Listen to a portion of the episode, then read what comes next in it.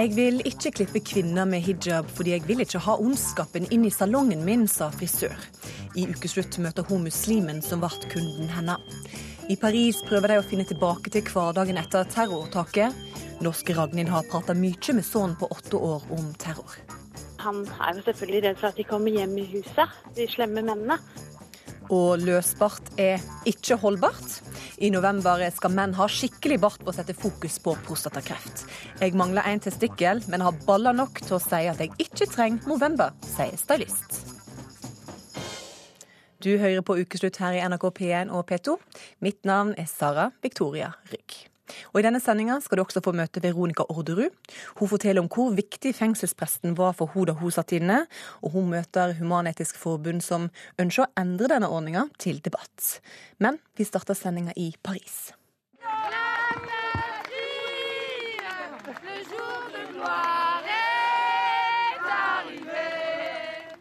De sang nasjonalsangen i Paris i går, og hele verden har hatt høye skuldre siden terroråtaket i Paris. Frykten for nye åtak lurer i kulissene. Hvem blir råka neste gang? I Brussel-regionen er trusselnivået hevet til høyeste nivå, hører vi i dag. Den franske presidenten erklærer krig mot IS. Erna Solberg gret fra talerstolen. Noen ber muslimene ta avstand fra det som skjedde. Andre sier at det er ikke muslimene som skal beklage, det er terroristene sitt ansvar.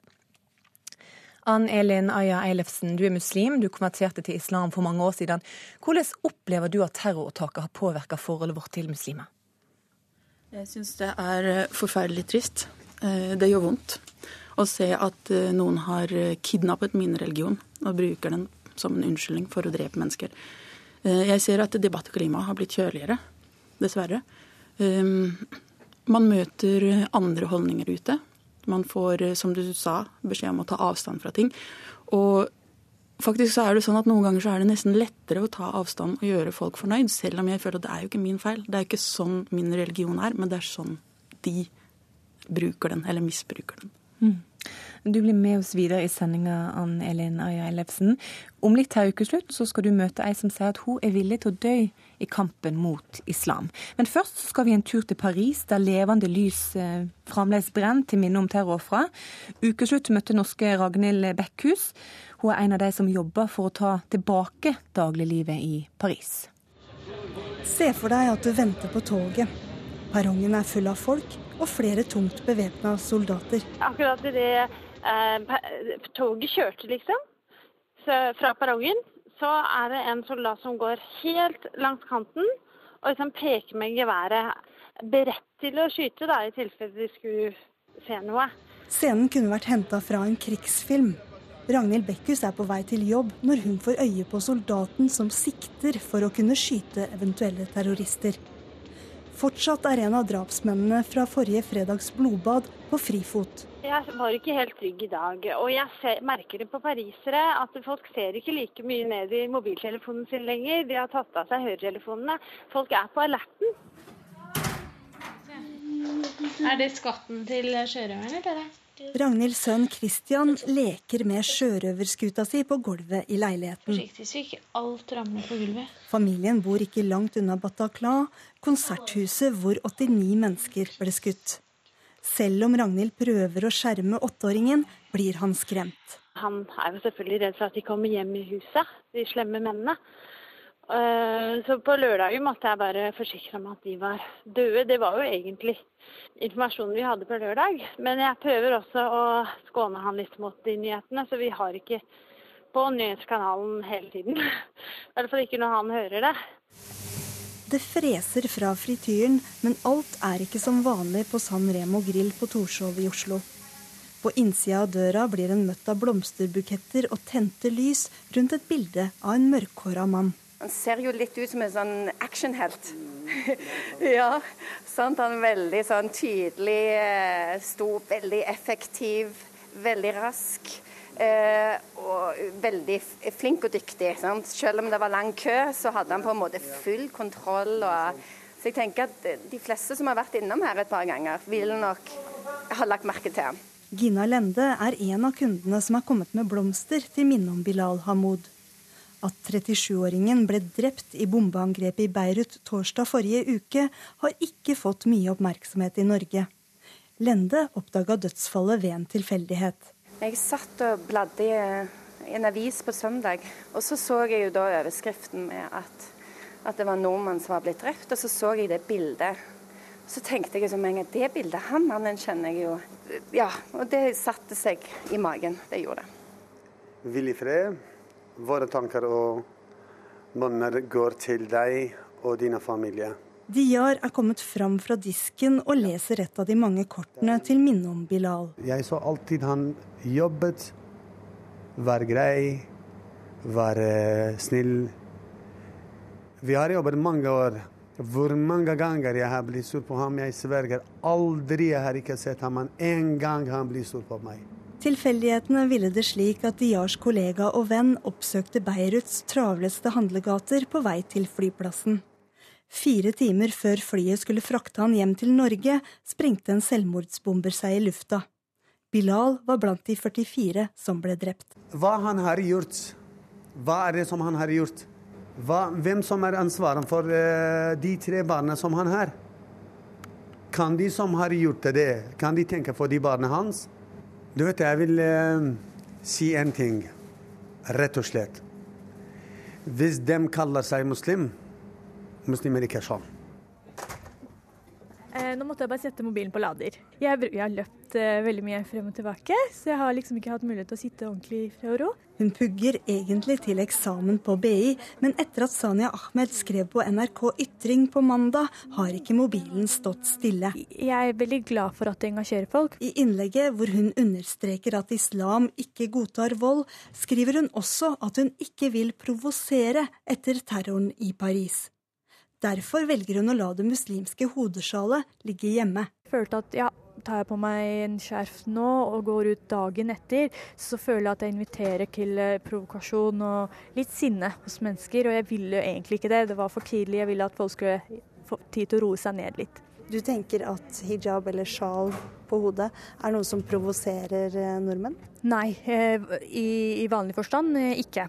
Men når jeg ser at en terroristgruppe som IS bruker eh, min religions navn til å legitimisere det de gjør, eh, så, så ser jeg jo at hijab er en sterk del av islam. Det er en, altså en klar symbol på at jeg er muslim. Da, da, da, ser jeg at de som ikke har nok kunnskap, kan jo lage paralleller. Fredag hadde innlegget til Sania mer enn 700 kommentarer. I flere av dem hevdes det at Sanya ikke forteller hele sannheten om sin religion, og at Koranen legitimerer vold. Hvis ikke vi har jobbet nok med, nok med vår kunnskap og holdninger, så reagerer vi negativt hver gang det skjer noe.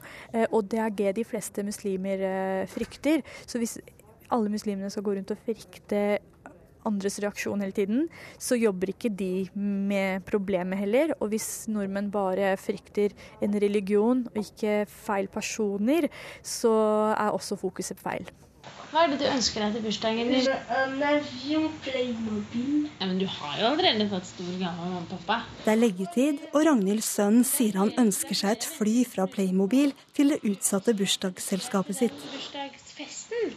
Christian fylte åtte dagen før 129 liv fikk en brå slutt i Paris. Han nevner det noen ganger, at de har vært så slemme og skutt på mennesker som ikke hadde gjort noe. Og det er så dårlig gjort, men de er blitt drept. Altså, han er sikker på at alle er blitt drept. Jeg lar han eh, bli den lille naive tankegangen der, for det er litt for voldsomt å forstå og tenke på for en åtteåring. Hva er ditt håp for eh, nærmeste framtida nå? Uh, uh, ja, håp er at uh, det her kan avverges. At neste eventuelle terrorangrep kan avverges. Du regner det som ganske sikkert at det skjer igjen, eller? Dessverre, ja. Det virker jo som de er veldig, veldig bestemt på å gjøre noe vondt igjen, da. Reporter var Kari Li. Merete Hodne, du er medlem av organisasjonen Stopp islamisering av Norge, og du er en ivrig nettdebattant. Du skriver mye om kampen mot islam, og du sier at du er villig til å dø for den kampen. Hvorfor det? Jeg er villig til å dø for frihet, ja. Og for uh, framtida til etterkommerne våre. Det er ingenting som er viktigere enn det. Og derfor slåss du mot uh, islam? Jeg slåss mot uh, mohammedanerne, ja. Hvorfor det? For uh, mohammedisme, det er altså de som, de som følger Mohammeds lære, det er ondskap tvers igjennom. Altså, altså muslimer, de Jeg sier ikke muslimer, jeg ja. sier mohammedanere. De som følger Mohammeds lære og mye av det som står i Koranen. Veldig mye er politikk av det som står i Koranen, og veldig liten del, gjerne under 9 så er, så er religion av det som står i Koranen. Muslim Anne Elin Aya Eilefsen, kjenner du deg igjen i beskrivelsen av, av din religion?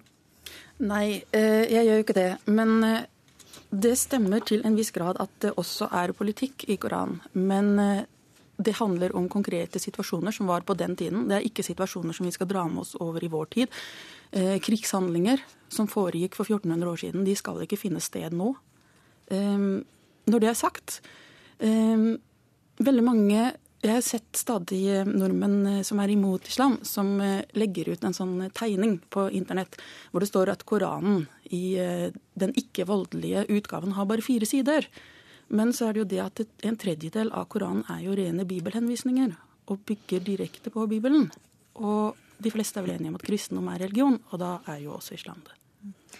Merete Hodne, du, du, skrev på din Facebook-side eh, om at du nekta å ta imot to hijabkledde damer i frisørsalongen din. Eh, du skrev, og jeg siterer, ønsker ikke ondskapen inn i dørene der jeg kan bestemme. Lovlig, kanskje ikke, men vi har fortsatt ytringsfrihet, eller? Eh, nå legger vi diskusjonen eh, om dette er lov til side, det, det er en annen debatt. Men, men hvorfor nekter du å klippe disse kvinnene? Hvis det hadde kommet en person med, med sånn Skal vi se. Hvis det hadde kommet en person med, med nazisymbol på armen, f.eks., eller Ku Klux Klan-drakt, så hadde jeg òg nekta dem å komme inn i salongen. Og jeg føler at, at mohammedisme det er faktisk eh, like gale som Ku Klux Klan. Altså, Ku Klux Klan vil utrydde alle svarte. Og eh, mohammedanerne de vil utrydde alle som ikke er rett truende muslimer. Og derfor vil ikke du klippe dem? Jeg vil ikke klippe de som jeg føler eh, kan handle til den sida. At de støtter sharialover. Men det er vel ikke ja. sånn at uh, selv om ei kvinne har på seg, på seg, hijab, så støtter hun sharia? Ikke nødvendigvis. Men uh, her i Norge så enten så, så, er det gjerne unger, altså det er foreldrene som bestemmer. Og det syns jeg er helt forferdelig. Eller så bestemmer mannen over dem. Eller så bestemmer de sjøl. Og, og, da lar de seg sjøl underkue. Altså de, de er mindre verdt enn mannen, og i vårt samfunn så er det ikke sånn lenger. Det skal ikke være sånn lenger. Og, og derfor vil ikke du klippe deg? Eh, altså, jeg det, det, det, blir litt sånn dumt å si det sånn. Altså, jeg, jeg, eh, vil vise et eksempel. At jeg vil ikke ha det sånn i samfunnet vårt. Og, og hva, hva, skal vi vel kunne gjøre hvis vi, ikke, altså, hvis vi skal gjøre det på en rolig måte? Altså, Vi må kunne vise hva vi står for. Men så var det sånn at du fikk en kunde som kanskje ikke du hadde eh, venta. For Ann eh, Elin Aya Eilefsen, du dro til frisørsalongen til Merete Hodne. Du sa ikke at du var muslim. Eh, du hadde ikke på deg hijab, for det bruker ikke du. Du fikk din klipp, og du sa at dette møtet det var trivelig. Hvorfor gjorde du dette? Jo, jeg gjorde det her fordi at jeg hadde lyst å danne mitt eget inntrykk. Ehm, jeg diskuterer også ganske mye på nett og skriver en del kronikker om islam, og da ofte også fra en konvertitts synspunkt.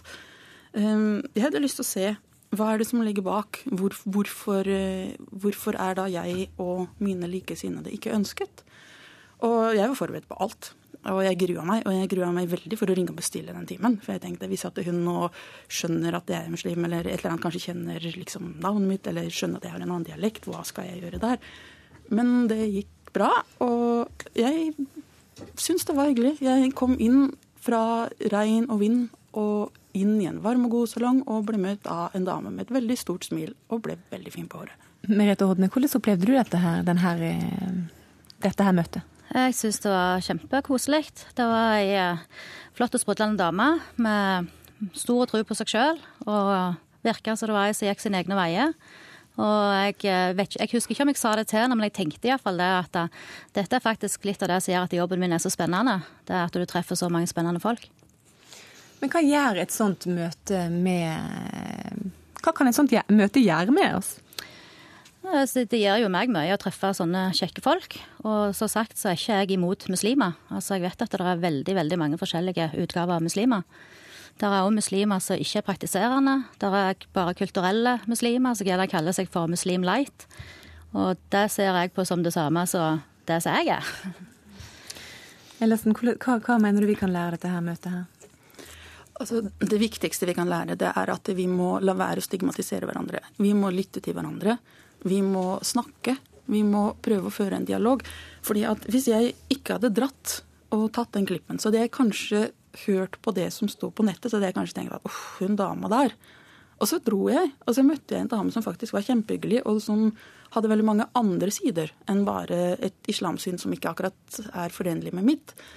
Men så går det også andre veien, og det er at de som sitter på nettet og leser om islam, de leser også kun én side av saken. For dessverre så er det de mest ekstreme som sitter med definisjonsretten. Det er de som er interessant å skrive om.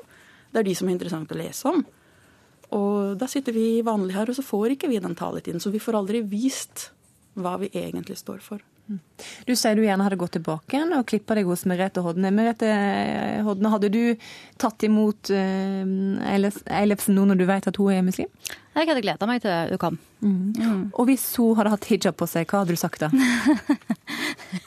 da hadde jeg trodd det var en provokasjon. Jeg hadde nok sluppet meg inn for det. Mm. Takk til deg, Ann Elin Aya Eilefsen og Merete Hodne.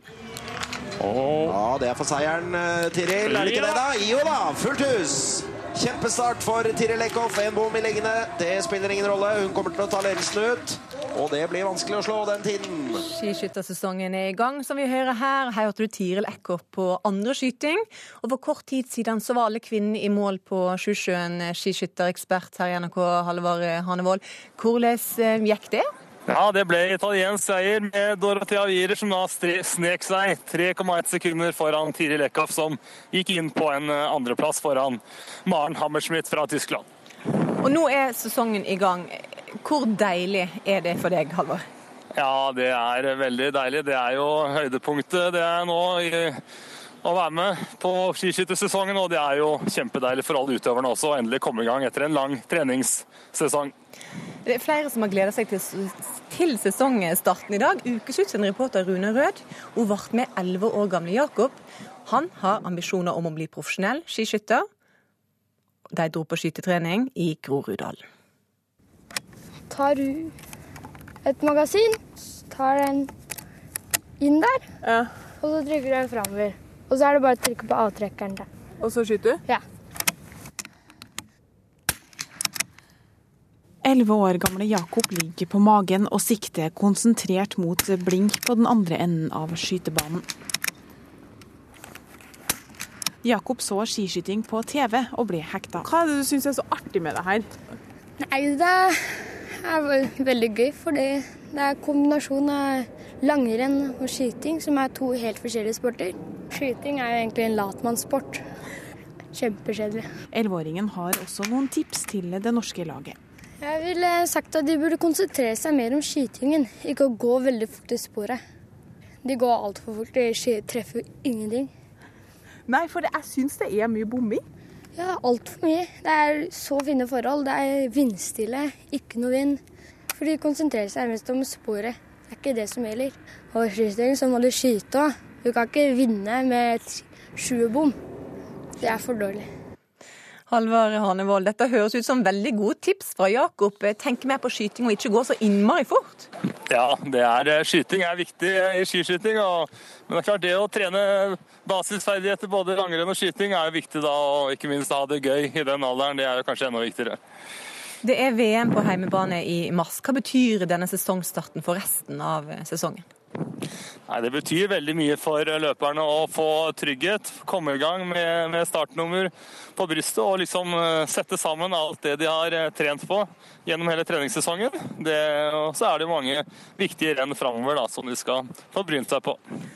Kvinnene har nå kommet i mål, og mennene de står klar. Det er sprintetappe, og den starter klokka 13.30, og den kan du se på NRK1. Men det er ikke bare skiskytterentusiastene som kan glede seg til denne helga, for det er jo cupfinalehelg òg. Reporter Dana Vanonu, du står i Oslo sentrum. og Hvordan er stemninga der nå rett før cupfinalen for kvinner? Stemninga er helt i taket. Man skulle nesten trodd at det har snødd i Oslo i natt. Det har det ikke. Det har bare kommet så enormt mange Rosenborg-supportere hit til Karl Johan. Det myldrer av fotballfans i eh, hvite og sorte supportertrøyer. For det er jo da, som du sier, cupfinalehelg. Og først ut så er det kvinnene i dag. Da går finalen mellom LSK og Avaldsnes. Og i morgen så er det duka for en ørliten historisk begivenhet. For eh, herrene fra Rosenborg og Sarpsborg kniver om førsteplassen. Og det er hele 50 år etter eh, sist de to lagene møttes eh, på Ullevål stadion. Eh, Cupfinalehelgen vil gå under oppgradert sikkerhetsoppbud pga. terrorhandlingene i Frankrike. Eh, politiet har informert om at det kommer til å være mer politi til stede enn vanlig. Men først og fremst så eh, skal dette være en storslagen fotballfest. Og jeg står her med Rosenborg-supporter Audun Rømmen.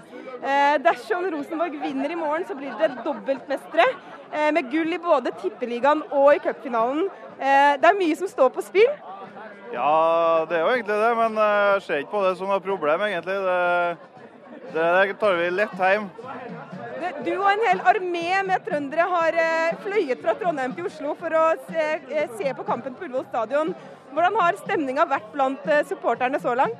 Nei, Det er upåklagelig stemning på Scotsman. Det er jo hæla i taket klokka tolv på dagen, og det er jo fantastisk. Du, eh, Politiet sier at det kommer til å være et oppgradert eh, sikkerhetsoppbud eh, pga. terroren i Frankrike forrige uke. Bekymrer det deg? Nei, det kan ikke jeg si bekymrer meg så mye, egentlig. Jeg kan ikke tenke på det. Du, eh, dere spiller mot eh, Sarpsborg i morgen, eh, Rosenborg altså. Eh, hva frykter du mest fra østfoldingene? Eh, nei, jeg frykter egentlig ingenting. Det, det, er bra de har så kort vei hjem. De får et nederlag i sekken. Får jeg høre et eh, heiarop fra dere trøndere nå helt til slutt, eller? En heiarop da, folkens!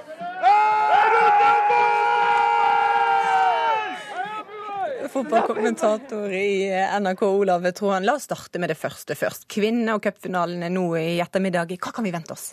Klokka 16.00 de to beste lagene i Norge dette året. En drømmefinale. LSK seriemester mot Avaldsnes fra Karmøy, som ble nummer to. Her er landslagsspillere fra ulike land. Avaldsnes har aldri slått jentene fra Lillestrøm, men nå har de muligheten, for LSK var ute i en tøff, tøff kamp i Europa onsdag kveld. Kanskje noe utladet.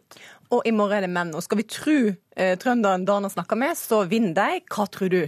Jeg tror Rosenborg vinner. Men større under har skjedd i fotball enn at Sarpsborg 08 skulle klare det.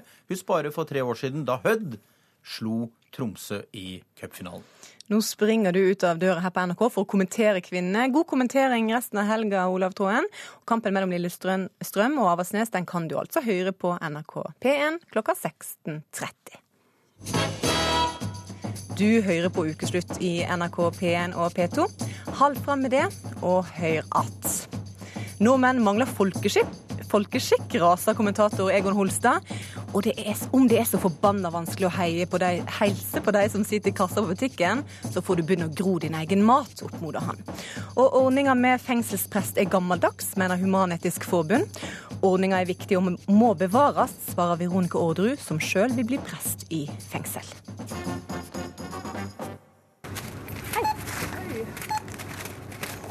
blir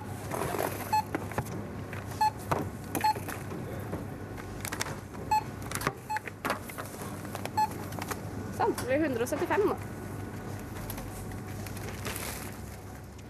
Er du en av de som smiler og sier hei hei til den som sitter i kassa når du er på butikken, eller prater du i telefonen og enser ikke at det sitter en person der?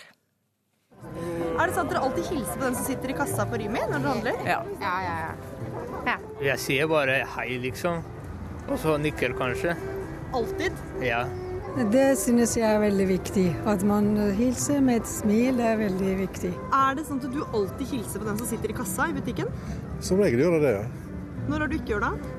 Eh, nei, Det kan være hvis jeg er veldig travel eller holder på med andre ting. Eller, men jeg gjør det. det. det. er klart man hilser, men, men, det har jo litt med den som sitter i kassa også å gjøre òg, ikke sant. Men jo, alltid hei. Ja. Alltid? Ja. ja. ja. Som alt annet man sier alltid til. ja. For eh, folk som ikke hilser på personen i kassa, får i Tromsø-kommentator Egon Holstad til å hisse seg opp. Han mener nordmenn har blitt mer sjølopptatte og eier mindre folkeskikk nå enn tidligere.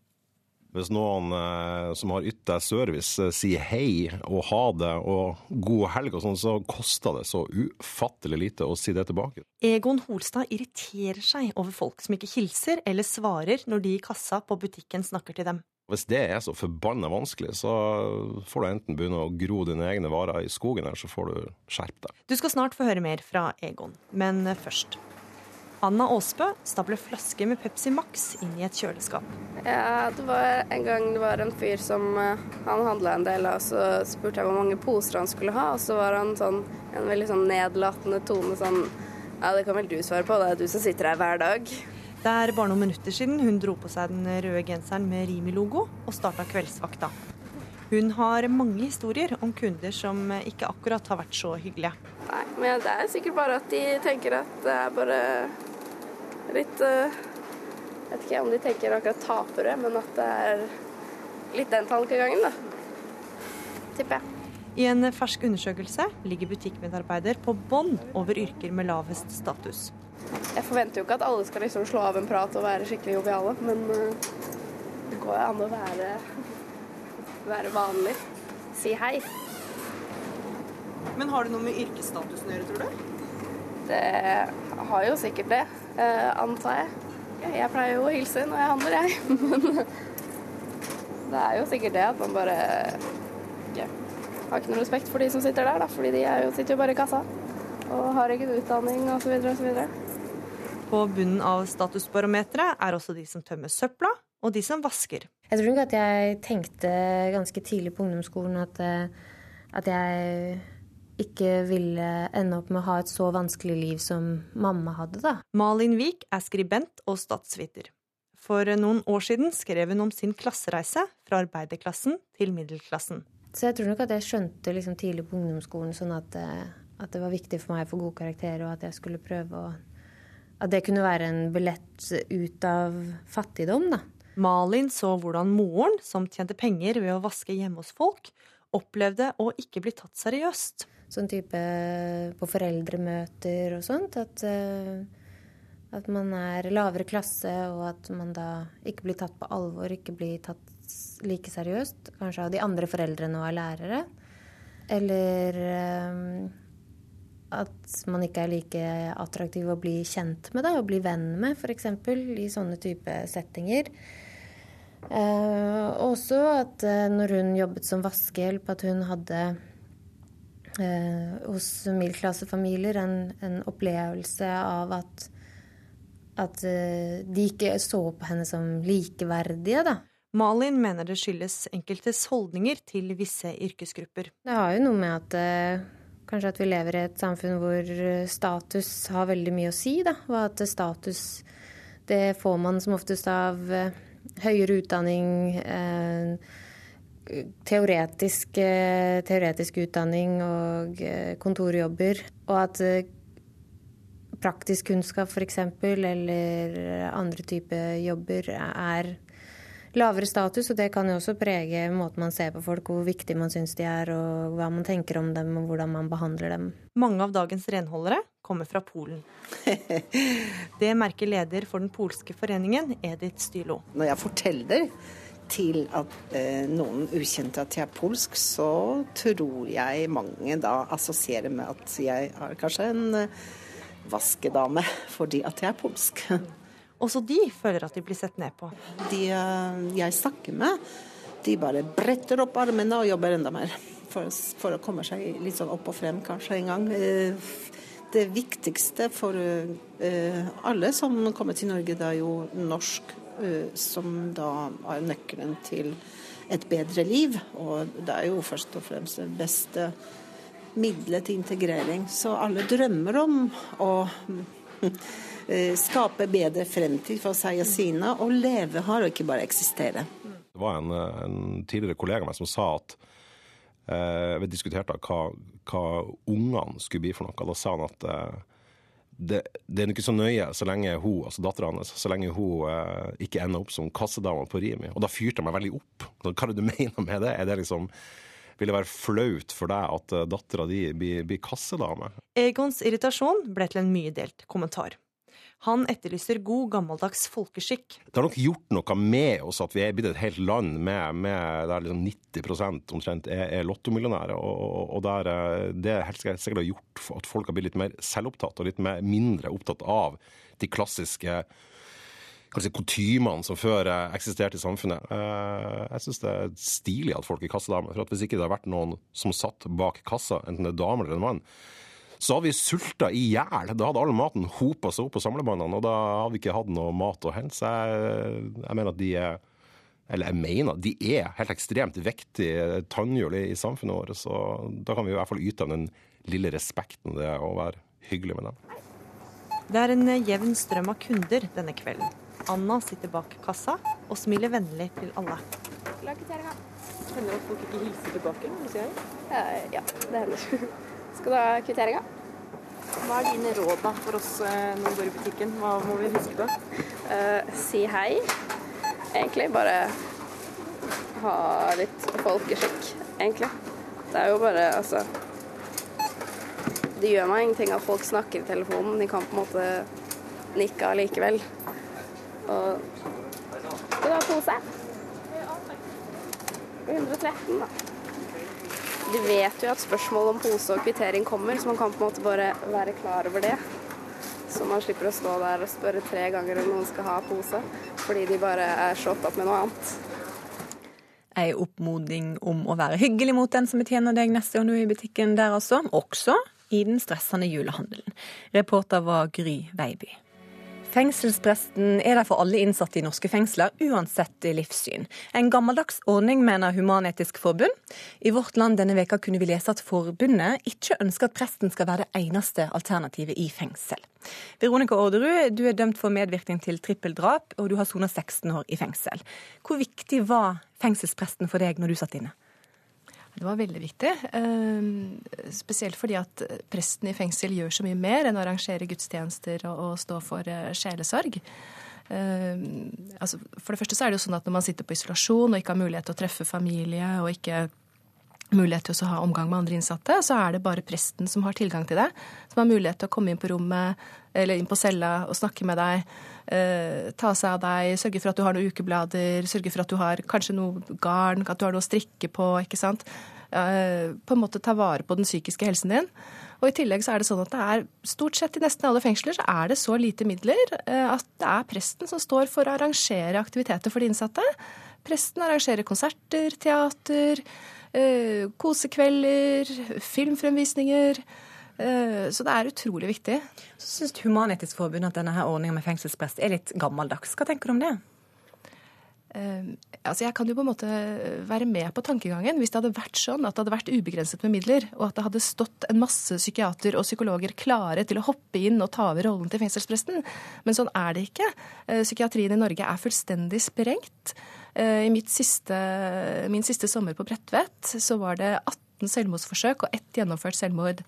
Og det sier litt om situasjonen i norske fengsler generelt, og hvor viktig det er at det er en person som kan ta seg av den siden av de innsatte. Og dessverre så er situasjonen sånn at det er ikke eh, psykiatere og psykologer tilgjengelig. Mm. Informasjonssjef i Human-Etisk Forbund Jens Brun Pedersen, hvorfor mener dere at denne her eh, rolla er gammeldags og må endres litt på? Nei, den er ikke gammeldags. Når vi hører Orderud her forteller om hva presten gjør, i tillegg til gudstjeneste, så er jo ikke det, og kommer aldri til å bli gammeldags, at den har den funksjonen.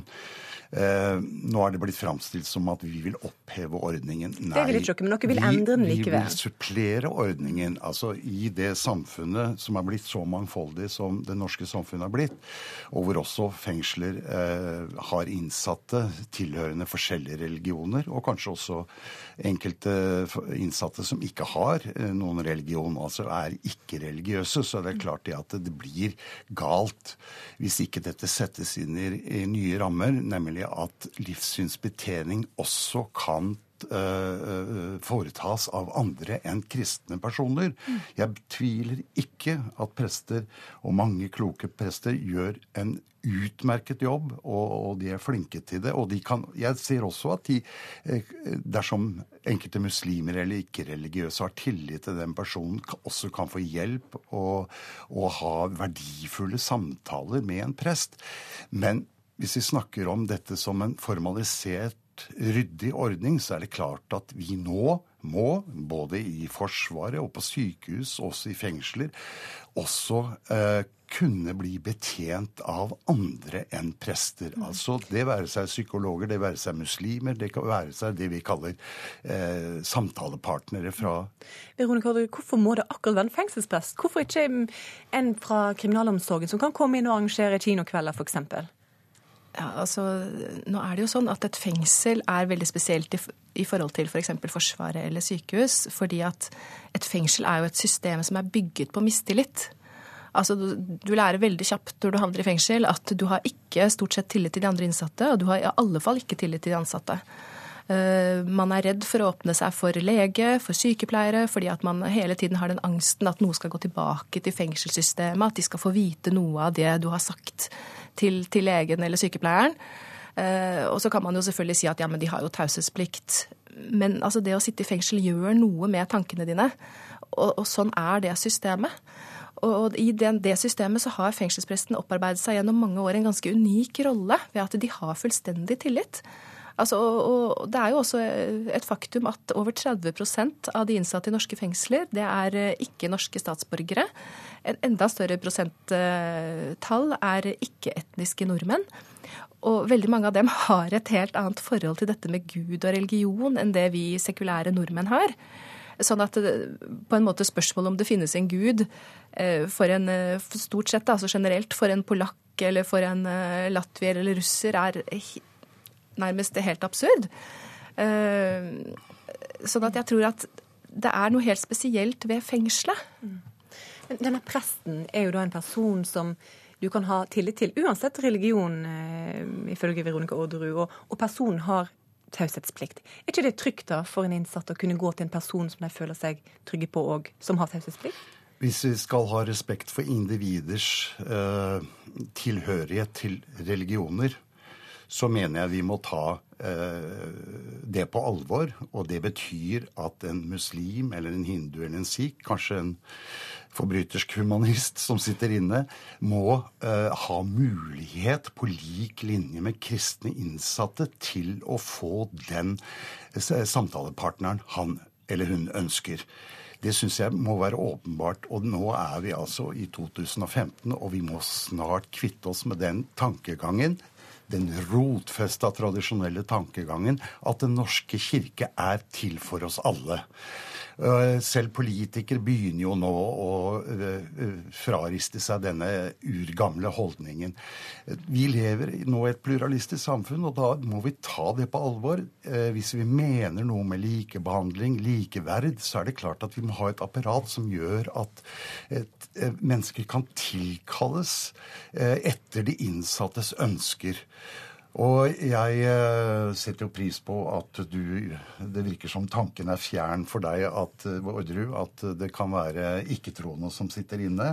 Eh, jeg tror nok dessverre det også skjer. Vi har jo hatt allerede henvendelser fra ganske kjente forbrytere som har kommet til oss og sagt at nå er de møkka lei den kristne intense nærheten i fengsler, og ba oss om å, å gjøre noe. Det endte opp med en lang kurs kurs med filosofiske samtaler, og, og som visstnok var, var Kanskje du kunne hatt kinokvelden i fengsel en kveld, da? jo, jeg kan gjerne gjøre det, eller få noen til å gjøre det. Kan det bli for mye kristendom i, i fengselet, tenker du? Ja, selvfølgelig. Så jeg, jeg er veldig enig i mye av det han sier. Og igjen så er det jo et spørsmål om ressurser og et spørsmål om midler. Og jeg skulle jo selvfølgelig veldig gjerne ønske at det var uh, mulig å få inn veldig mange utenforstående inn i fengselet som kunne komme med tilbud til de innsatte, og ikke bare prestene. Ja, du sa dette med prester og tillit. Jeg tror deg på det. Men jeg tror, jeg er også av den oppfatningen, jeg tror også imamer, rabbinere og humanistiske samtalepartnere også kunne greie i løpet av kort tid å opparbeide tillit. Eh, Veronica Orderud, om et, halvt, ett og et halvt år så er du ferdig utdanna eh, prest. Du ønsker å bli fengselsprest. Hvordan tror du folk ser på deg som prest med tanke på den bakgrunnen du har? Ja, det tror jeg vil være litt varierende. Jeg tenker at uh, noen vil sikkert ha vanskeligheter med å ha tillit pga. den bakgrunnen jeg har, mens andre vil tenke at uh, terskelen er mye lavere. Og det opplever jeg jo stort sett i hverdagen nå. At veldig mange som selv sliter, føler at terskelen for å ta kontakt med meg og snakke med meg er veldig mye lavere, fordi at jeg har vært ute noen kalde, tøffe, mørke vinternetter selv. Takk til deg, Veronica Aarderud, og takk til deg, Jens Brun Pedersen. Det skal handle om en herre med bart, Movember. Det er jo viktig, for man må jo få litt åpenhet rundt også. Da. At folk kanskje da tenker at det kan være lurt å sjekke seg. Uten det så hadde det ikke vært like mye fokus på at man bør sjekke prostata f.eks. Det som er mest synlig i gatene, det er jo at folk da sparer eh, bart. Men når det virkelig gjelder, som er det viktigste, og det å da faktisk donere penger, det er få som gjør fordi det, det da koster oss. Jeg har støtta en kompis med penger, ja. Hvorfor det? Det er bare blitt en årlig greie. Personlig så har jeg desemberen. Adventsbarten. Det er min greie. Adventsbart eller Movember, uansett, spart er igjen trendy.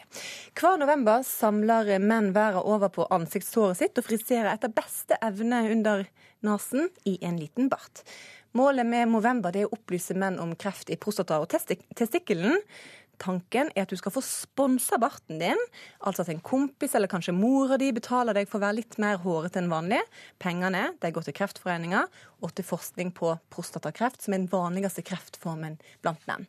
Stylist Erlend Elias, i en kronikk i Aftenposten så spør du deg om Movember bare er blitt en artig konkurranse menn har på kontoret om å skaffe seg den kuleste barten. Er Movember blitt den nye tissekonkurransen blant menn? På mange måter så har det jo blitt et lite sirkus. Men det jeg vil med denne kronikken, det er å få økt fokus. Fordi jeg ser jo at menn ofte havner bak evja av kvinner, og det gjør vi jo her også. Når jeg tenker liksom på, som jeg skriver, liksom at vi blir på en måte et slags nachspiel etter Rosa sløyfe-aksjonen, der det er langbord i Karl Johan, og det er pakka på alle parfymerier der du kan støtte rosa sløyfe. Det er liksom, du kan altså ikke, fokus på brystkreft for kvinner? Ja. ja. Du kan ikke gå innom en butikk eller noen plass uten at du ser rosa sløyfe, og man håver inn penger, og det er fantastisk. Men hvorfor kan vi ikke få samme greien for menn? Men det er jo det en prøver med Movember. Og du har sjøl hatt testikkelkreft, og tanken på Movember er akkurat å få folk til å ha fokus på det. Hvorfor er ikke det da greit å sette i gang en sånn, eller hvorfor er ikke det bra med hvilken som helst aksjon? Jo, det er absolutt greit hadde den fungert, men hvis man ser på de pengene Movember samler inn kontra Ros og sløyfe, så fungerer det ikke på den måten som man skulle ønske å ha gjort. Og det kan vel kanskje at man havner liksom måneden etter. Kunne man ikke i Norge da starta sin egen ting? F.eks. som jeg har sagt til Kreftforeninga, la oss starte i juni. Reise fra by til by, del ut moreller. Og det som er poenget med hele greia, det er at menn ikke går og får seg sjekka. Så hvorfor kan man ikke da ta med seg leger, en liten buss, stå på torget på de fem-seks største byene i Norge og få menn til å sjekke seg der og da. Slik at man får åpenhet rundt det, bryter tabuet og får mer oppmerksomhet rundt testikkelkreft og prostatakreft. Og det er derfor jeg skrev den kronikken. Komiker Tore Pettersen, Petterson, kjent for NRK-serien Sofa og for å kle bart. Du mener at november er viktig. Hvorfor ja, jeg syns det er kjempeviktig. og Uh, ikke minst fordi jeg tenker, jeg satt og leste litt på, på med, med bl.a. Rødsløyfe, uh, som har med hiv uh, og aids å gjøre, som startet i 1991. Det var jo også bare en ting som startet litt og litt. Det var én person som hadde det på TV noen år etterpå, og sakte, men sikkert så har dette blitt noe som folk gjør. Og i 1999 så startet Rosa sløyfe-kampanjen, som også var en ting som alle venninnene mine gikk med, men ingen gikk, visste hva det var. Det var ingen som sto fram med noe. Og det er klart at kvinner er flinkere til å snakke om sånne ting. De er flinke til å sette eh, fokus på kroppen sin, og at de skal være fornøyd med kroppen sin, og at det er greit å snakke om ting. Og jeg tror menn er litt treigere. Eh, og, og, nå startet Movember i 2007, som er en ganske sånn kort tid siden. Og i 2012 så vant det en svær pris, som var, var den største ikke-statlige organisasjonen i verden. Eh, som dro inn mest penger og som gjorde best ting da. Så jeg tenker nordmenn, vi er litt siderumpa, og, og um, det tar litt tid. Og jeg tror folk skammer seg litt med å fortelle om det. Og jeg syns det er helt fantastisk at Erlend Elias går ut nå og er den første som forteller at han har testikkelkreft. Og er den første som kan begynne å fortelle. Eh, og så får vi bare håpe at jo lenger vi holder på med dette her, jo, jo eh, flere gjør det, jo mer fokus blir det for at Folk kan snakke om det. Men Eh, setter en bart fokus på at man skal gå og sjekke seg? Eh, Når du ser en mann med bart på gata, tenker du ah, ja, jeg må huske å gå og sjekke prostataen? Eh, ikke nødvendigvis, men jeg tenker at jeg kan gjøre det etter hvert. Og spesielt i denne måneden. fordi at nå, når man setter en hel måned av til dette her, så vil jo folk bli mer aware på det. Og jeg tenker at hvis én person går og sjekker seg, så er det mer enn ingen. Eh, og hvis to og tre og fire gjør det, så er det enda bedre. Og etter hvert så går kanskje menn å gjøre det som en årlig sjekk eller som en ting de gjør hvert tredje år. Ja, Ellen Elias, er ikke det bra da, om det er bare én eller to menn som, som får ut fingeren, for å si det rett ut? Jo, absolutt.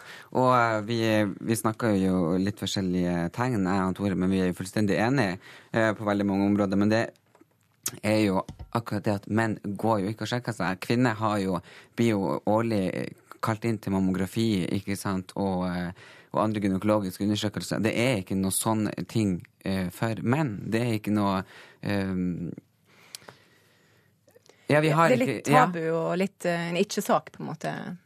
Ja, det er liksom ikke tatt opp, og jeg synes, eh, hvorfor skal det ikke være noe liksom, tradisjon og at man blir innkalt til årlig undersøkelse? At menn f.eks. over det og den alderen, da skal du inn og sjekke for prostata. Og gutter mellom 15 og 35 så er liksom det største innenfor eh, testikkelkreft. Det er for lite opplysning rundt det, og, eh, og jeg tror jo ikke at uh, hvis vi ser en bart, så får vi oss til kvelden opp i ratata for å sjekke liksom prostata. Det skjer ikke. Kunne man gjort det samtidig som man hadde fokus på, på barten og menns helse? Kalla inn til legesjekk for alle menn? Absolutt, og jeg tror et lite smykke ville ikke menn gått med, så det funker jo ikke. Um, så jeg tenker at bart er noe vi, vi Det er en måte å bli litt maskulin og mandig på. Så de har jo gjort en riktig greie. Det har blitt en trendting som man gjør en gang i året. Uh, Der er jeg ikke enig, for jeg var akkurat i London, og da så jeg liksom alle menn gikk rundt med sånne rød blomst på skjorta, og jeg lurte på hva det var for noe. Og da fant jeg ut at det var jo for eh, soldater som hadde fallet i krigen. Så jeg tenker jo at eh, absolutt en pinn av et eller annet slag vil alle menn ha gått med. Alle kler ikke bart, dessverre. Men alle kler en pinn. Alle kler en pinn. Eh, Ellen Elias, du er en mann med én testikkel, men med baller. Hva er din eh, kort oppfordring til alle menn der ute? Ta og Sjekk deg. Ta og Bryt tabuet. Tør å snakke med de nærmeste. Og vil du ikke det, så snakk i alle fall med legen. For det er aldri for seint å gå og sjekke seg. Takk til deg, Ellen Elias, og takk til deg, Tore Petterson. Ukeslutt er over for i dag. Ansvarlig for sendinga var Gry Veiby. Teknisk ansvarlig var Erik Sandbråten. Og i studio Sara Victoria Rygg. God helg!